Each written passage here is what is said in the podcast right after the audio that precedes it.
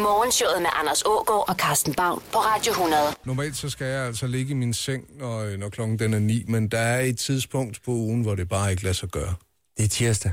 Der er kærlighed ved første blik, og hammerslag i øvrigt. Ej, Ja, du siger, du er simpelthen så god til at uh, gætte de der huspriser. kæft, mand. Jeg er svedig til det. Altså, jeg havde, jeg havde en marken på i alt 270.000 går på alle tre hus. Det er Hva? da mere, end der var nogen Ej, af det er holdene, der kunne Ja, det må jeg nok give mig. Ja. Nå, men vi skal til programmet, der kommer efter. Ja, gift ved første blik, og vi er i gang med at finde ud af, hvem af de her par, der lige har mødt hinanden, der sådan vil holde på den lange bane. Mm-hmm. Og, og jeg så ikke afsnittet i går. Nej, altså, gik øh, du gik glip af, af, af meget emotionalitet, vil jeg sige. Jeg, øh, jeg, jeg vælger at zoome ind på lidt forskelligt. Vi har været omkring Birgitte, og jeg synes, hun har fået hug nok nu. Øhm, vi, øh, vi har besøg i studiet, og hun har sagt, at hun ikke vil sige noget, om hun hedder Ida. Øh, var det noget med, at Birgitte havde haft en Tinder-profil på et tidspunkt? Det er blevet opdaget, at hun havde en Tinder-profil. Der er nogen, der har ringet ind til DR og sagt, hey, hvorfor har hun stadig en Tinder-profil, hvis hun er med i det her program? Det er stærkt. Det er simpelthen sådan noget breaking news, vi skal have fat i. Øh, men hvordan det går der, det ved jeg ikke. Men jeg vil godt have lov at hoppe ned i, øh, i, øh, i dagligstuen hos øh, Mette i Ringsted, hvor Christian er flyttet ind. Ja, hvordan går det hos... Øh, hvis vi lige sådan skal knytte et par ord til Mette og, og Christian, hvad, ja. hvad er de for nogle størrelser? De er i deres bedste 30'ere. Ja. Mette har været single i en 10 år, så on and off, men det har sgu aldrig rigtig været. Christian har aldrig fundet den, og da jeg så de to sammen, så tænker jeg, hvor er I fint. Der må være noget der. Men det er der ikke. Mette forklarer selv. Jamen, det rører tilbage til den der fysiske tiltrækning, altså når han går igennem stuen, og øh, altså går, går igennem med boxershorts, er, er jeg tiltrukket? Nej, altså, der er ikke sådan, der er ikke rigtig noget, der sådan lige tænder mig. Jo, hans personlighed, men jeg mangler virkelig øh, noget mere. Nå, så hun har ikke lige lyst til at klaske Christian bag, når han kommer igennem stuen i iklædt boxershorts? Det er ikke der, hvor hun annoncerer, riv mig rundt din store frækker. Og det rammer altså Christian dybt. Altså, hendes reaktion til mig sårer mig dybt.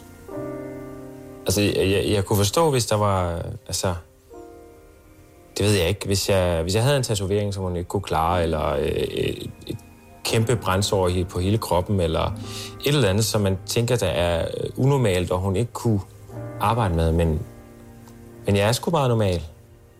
Hvordan skulle jeg se ud, hvis hun skulle føle mig tiltrækkende? Og jeg giver ham fuldstændig ret. Han er, øh, nej, normal. Det ved jeg ikke. Lad være med at sætte det lys under et skæbe, Christian.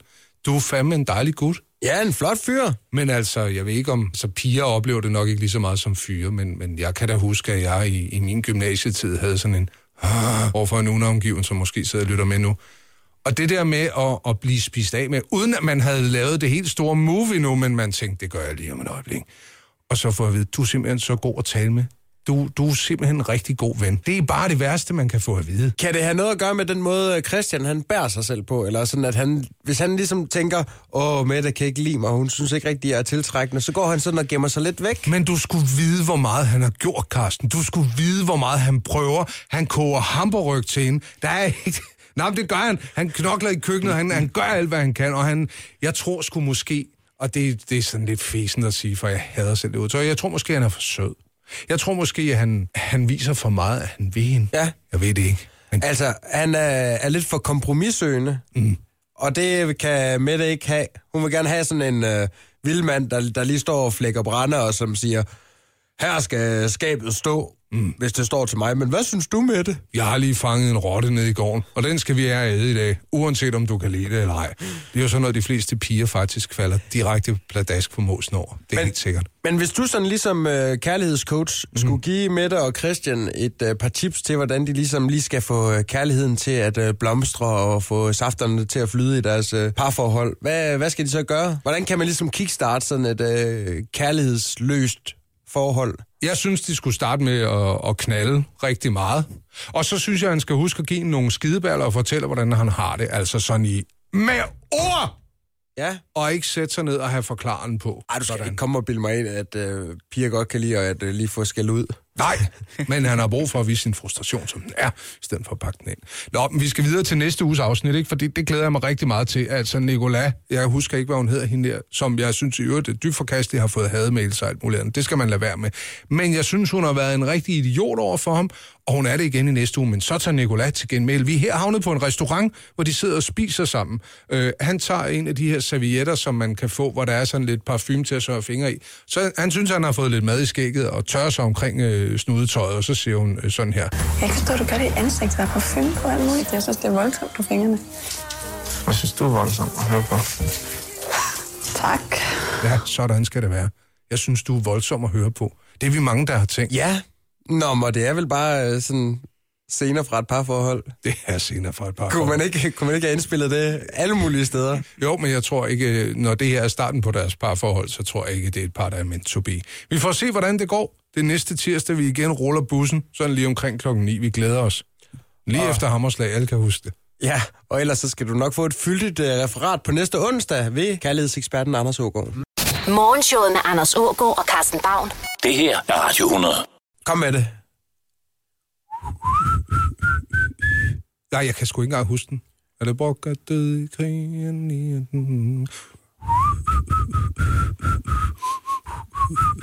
Jeg er pisse dårlig til at fløjte. Du har lidt mere ægte fløjt. Ja, ja, der er knap så meget falsk luft. i Oliver, du skal ikke prøve at gå ram forbi. Kom så, Jamen, jeg- Oliver. jeg er virkelig Kom dårlig. Nu. Fløjt nu. Det er ikke tosset. Og, og årsagen er jo simpelthen, at vi skal hylde en af verdens øh, bedste fløjtere. Mesterfløjter. Men inden vi kommer der til, så lad os kigge på, hvad der ellers findes af melodier ude i fløjteri. Ja, og først der vil jeg gerne lige have lov til at præsentere øh, en øh, verdensmester i kunsten at fløjte. Mm. Han hedder Gert, og prøv lige at lytte en gang.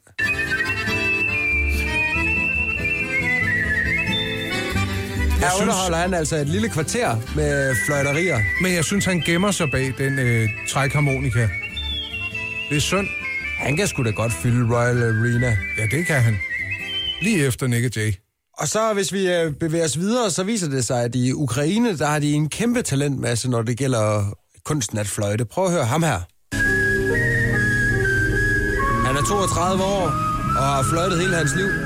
Han lyder lidt melankolsk. Jamen, det er Ukraine for pokker, det kan du ikke. Det, er sådan, det, det, det ligger i hans DNA. Nå jo, men tænk at have sådan et depressivt pipi i en alder af bare 30. Og hvis vi så endelig kigger på, øh, sådan, hvad, hvad har vi at, at se frem til, når det gælder at fløjte i fremtiden, så er der altså en pige her, der hedder Vlada. Hun er 6 år, og hun fløjter som en drøm. Igen fra Ukraine. Fra, det er det fra Ukraine, Talent. Og det er fedt. Det er Ja, ja. også ungt. Det kan jeg godt lide. 6 år alligevel. Ja. Og hun øh, siger, at hendes drøm, det er bare at blive verdens bedste til at, at øh, fløjte. Men det er også meget øh, ungt og naivt, og selvfølgelig er det det, men... Og meget ukrainsk i øvrigt. Men en dejlig melodi. Men lad os, øh, lad os vende ham. Lad os øh, vende godfaderen af fløjt, ikke? Ja, det er Roger Whittakers fødselsdag. Og prøv lige at høre, hvordan han fløjter her.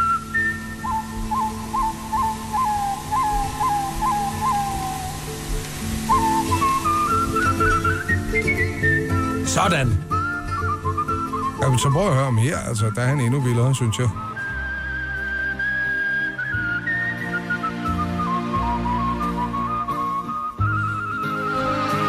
Du kunne godt bilde mig ind, at det var en eller anden form for instrument, han øh, fløjtede på, men det er simpelthen bare mundtøjet. Prøv at forestille dig George Samfir, hvordan han bare må stå og skamme sig over Ja, ja, at skulle bruge et instrument for at få samme lyd ud. Men Roger, vi slutter jo ikke uden lige at have givet Mexican Whistle en ordentlig form for overhaling. Og så kan det godt være, at uh, Drake og Ed Sheeran, de ligger på toppen af Spotify's hitlister. Men kan de fløjte? Sgu ikke som Roger Whittaker.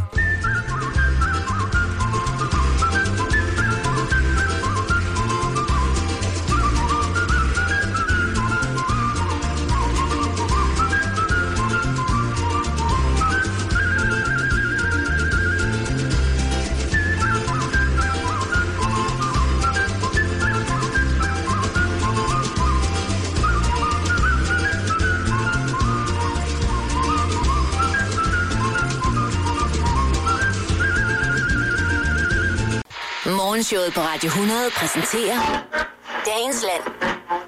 En radiofonisk rundrejse.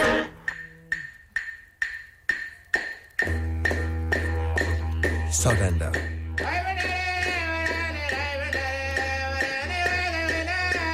Det er Down Under. Det er det, det er. Folk helt mørke i huden, malet med fede jordfarver. Klar til at give dig en på opleveren denne dejlige onsdag morgen. Vi er taget til Australien. Ja, og vi skal ned og øh, slås med krokodiller. I øh, selskab med en ung fyr. Han hedder lige det Pau. Han er, han er 18 år gammel, og han har, er en af de få, der kan sige, jeg har overlevet et øh, angreb af krokodiller. Mm-hmm. Eller det vil sige, han har sådan frivillig... Øh, altså han, han, han stod og talte med en backpacker-pige, der hed øh, Sophie, som han lige havde mødt fra Storbritannien. Og så har han lige stået og pralet og sagt, dernede, den der flod der, den er fyldt med krokodiller, og de er bare ude på at æde sådan nogle backpacker som dig. Men de er bange for mig. Jeg er indfødt. Jeg ved, hvordan det skal håndteres. Jamen, og så, øh, så, så vil han lige sådan teste den der teori og hoppe så ned i, i øh, vandet. Mm. Øh, skal vi lige prøve at nappe en bid, bare lige så man kan fornemme, hvem ham her kække, unge australier, hvad, hvad han er for en type? Ja, selvfølgelig. Endelig. And test the theory. This was no joke. 18 year old Lee DePau, full of Aussie bravado and bragging to a girl he'd just met, deliberately plunged into crocodile infested waters. How many drinks had you had by that point? Uh, about 10 cups of goon. I just carried on walking with him so that he wasn't on his own. And that was when he kind of said, "Look, I'm going to do this. And, and I just was in complete and utter disbelief. The British tourist he'd been trying to impress could only watch on in horror as the croc attacked, snapping onto his arm. Started shaking its head and carrying on. Lee jumped into the Johnston River in the early hours of Sunday morning. From the moment he hit the water, the crocodile hit him, grabbing his arm, dragging him down. He punched it in the snout, but it dragged him six metres and was about to perform the death roll. A split second, desperate decision to gouge its eye saved his life. The hmm. croc released. Swam back to the Ja, altså lige han øh, vil lige imponere den her pige, og det, øh, det, det lykkes så knap nok, fordi at, altså, hun blev bare forfærdet, og, og da hun sådan ser, at han øh, hopper ned til krokodillerne, der fl- flår ham afsted i armen. Mm-hmm. Og skal Han- til at lave øh, det der death roll, er Ja. jo øh, krokodillen, sådan øh, kan vi kalde det, øh, det er jo en halv Nelson. Når, når først lige krokodillen får lov til at, at rulle rundt, så har den der. Mm. Men han stikker den ind på snuden, og så sekunder før, at, den, at øh, krokodillen trækker ham under, så, øh, så, så rammer han den lige øh, på hornhinden. Ja, Og så giver den altså slip. det gør de fleste af os, hvis vi bliver ramt i øjet. Men øh, nu ligger han så på et australie, øh, australsk øh, hospital med, med armen i, øh, ja, bundet godt og grundigt ind, fyldt med, med flinger. Ja. Og så spørger den her interviewer, hvad så lige? Hvad har du så lært af det her? Nå, men ja, jeg har måske ikke lært så meget. Jeg ville måske godt gøre det igen, hvis det var sådan. Ja, Fordi at så... men nu har jeg kun en arm, så jeg skal lige, øh, det, det skal være benet næste gang. Det er bare sådan en klassisk øh, ignorant ung øh, teenager.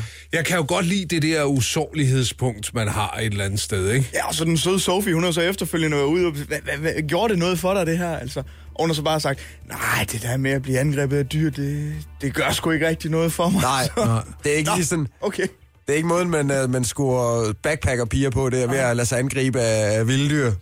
Men, men øh, point for forsøg, vil jeg sige. Ja, og, og point for at bare være så tilpas dum, så man lige kan statuere et godt eksempel over for alle andre. Du skal ikke gøre, gøre ligesom lige. Nej, på, på ingen måde. Og hvis vi nu er ude i det her med, øh, med at, at lave ting, der er dumt over for andre, så, øh, så manglede vi lige historien. Den rullede lidt i går, måske har du hørt den, øh, hvor, øh, hvor øh, tre gutter, de er ude og hygge sig. De får noget risvin. Vi er her taget til Vietnam, et lille stykke længere end Australien. Og øh, der sker hverken værre eller bedre, end den ene af dem, han får en fix idé. Den nye dæmling, drengen, siger han. Skal vi ikke gå ned og kigge lidt på den og balancere på den i vores kæmpe kæfer? Vi har jo vores fulde fem i behold, og det bliver de enige om. Og der er så en sluse på den her dæmning, og hvordan man så som, øh, som stiv mand er i stand til at åbne slusen på dæmningen, det melder historien ikke noget om. Men i hvert fald så ryger der, hvad der svarer til 800 olympiske svømmebassiner ud over et kæmpe landbrugsområde, øh, og, og smadrer jo alt, hvad der hedder ris, og, og, og byer bliver ramt af den her flodbølge, som tre gutter efter en glad aften forsager. Det er anholdt nu, jeg forestiller mig, at det måske bliver en rigtig hård omgang i spillet for dem. Der er nok rigtig mange, der er rigtig ked af, at øh, de lige øh, fik den gode idé mm. og førte den ud i livet. Altså, nogle gange kan man have det efter, efter en, sådan en fest på arbejde, at man går uknakket sådan dagen efter, ikke? Fordi man tænker, oh, oh, nej, jeg fik måske sagt lidt mange dumme ting til min chefstreg kollegaer. Ja, ja. Klappede hende den søde i røven og sådan noget der.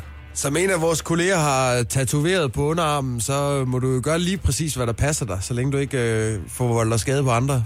Det er fuldstændig rigtigt. Øh, men i det her tilfælde, så kan vi så sige, at der er point til Australien og ikke til de tre mænd fra Vietnam. Ja, ja, det er jo din egen arme. Ja, ja. Om du har tænkt dig at ofre en enkelt på, et, øh, på at imponere en backpacker-pige og slås med en krokodille, det må du da selv om. Ja, ja, du får da mulighed for at komme i radioen i Danmark. Det synes jeg skulle være meget godt gået. Morgenshowet med Anders Ågaard og Carsten Baum på Radio 100.